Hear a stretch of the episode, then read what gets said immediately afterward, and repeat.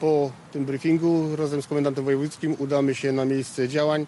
Tam przyjrzymy się prowadzonej akcji. Jeżeli będzie trzeba wprowadzić jakieś korekty, na pewno to zrobimy. Jeżeli te działania przebiegają prawidłowo, to nic nie będziemy zmieniać. Z tego co wiem, już dojeżdżają jednostki chemiczne z innych województw, także ten monitoring powietrza będzie prowadzony na większą skalę.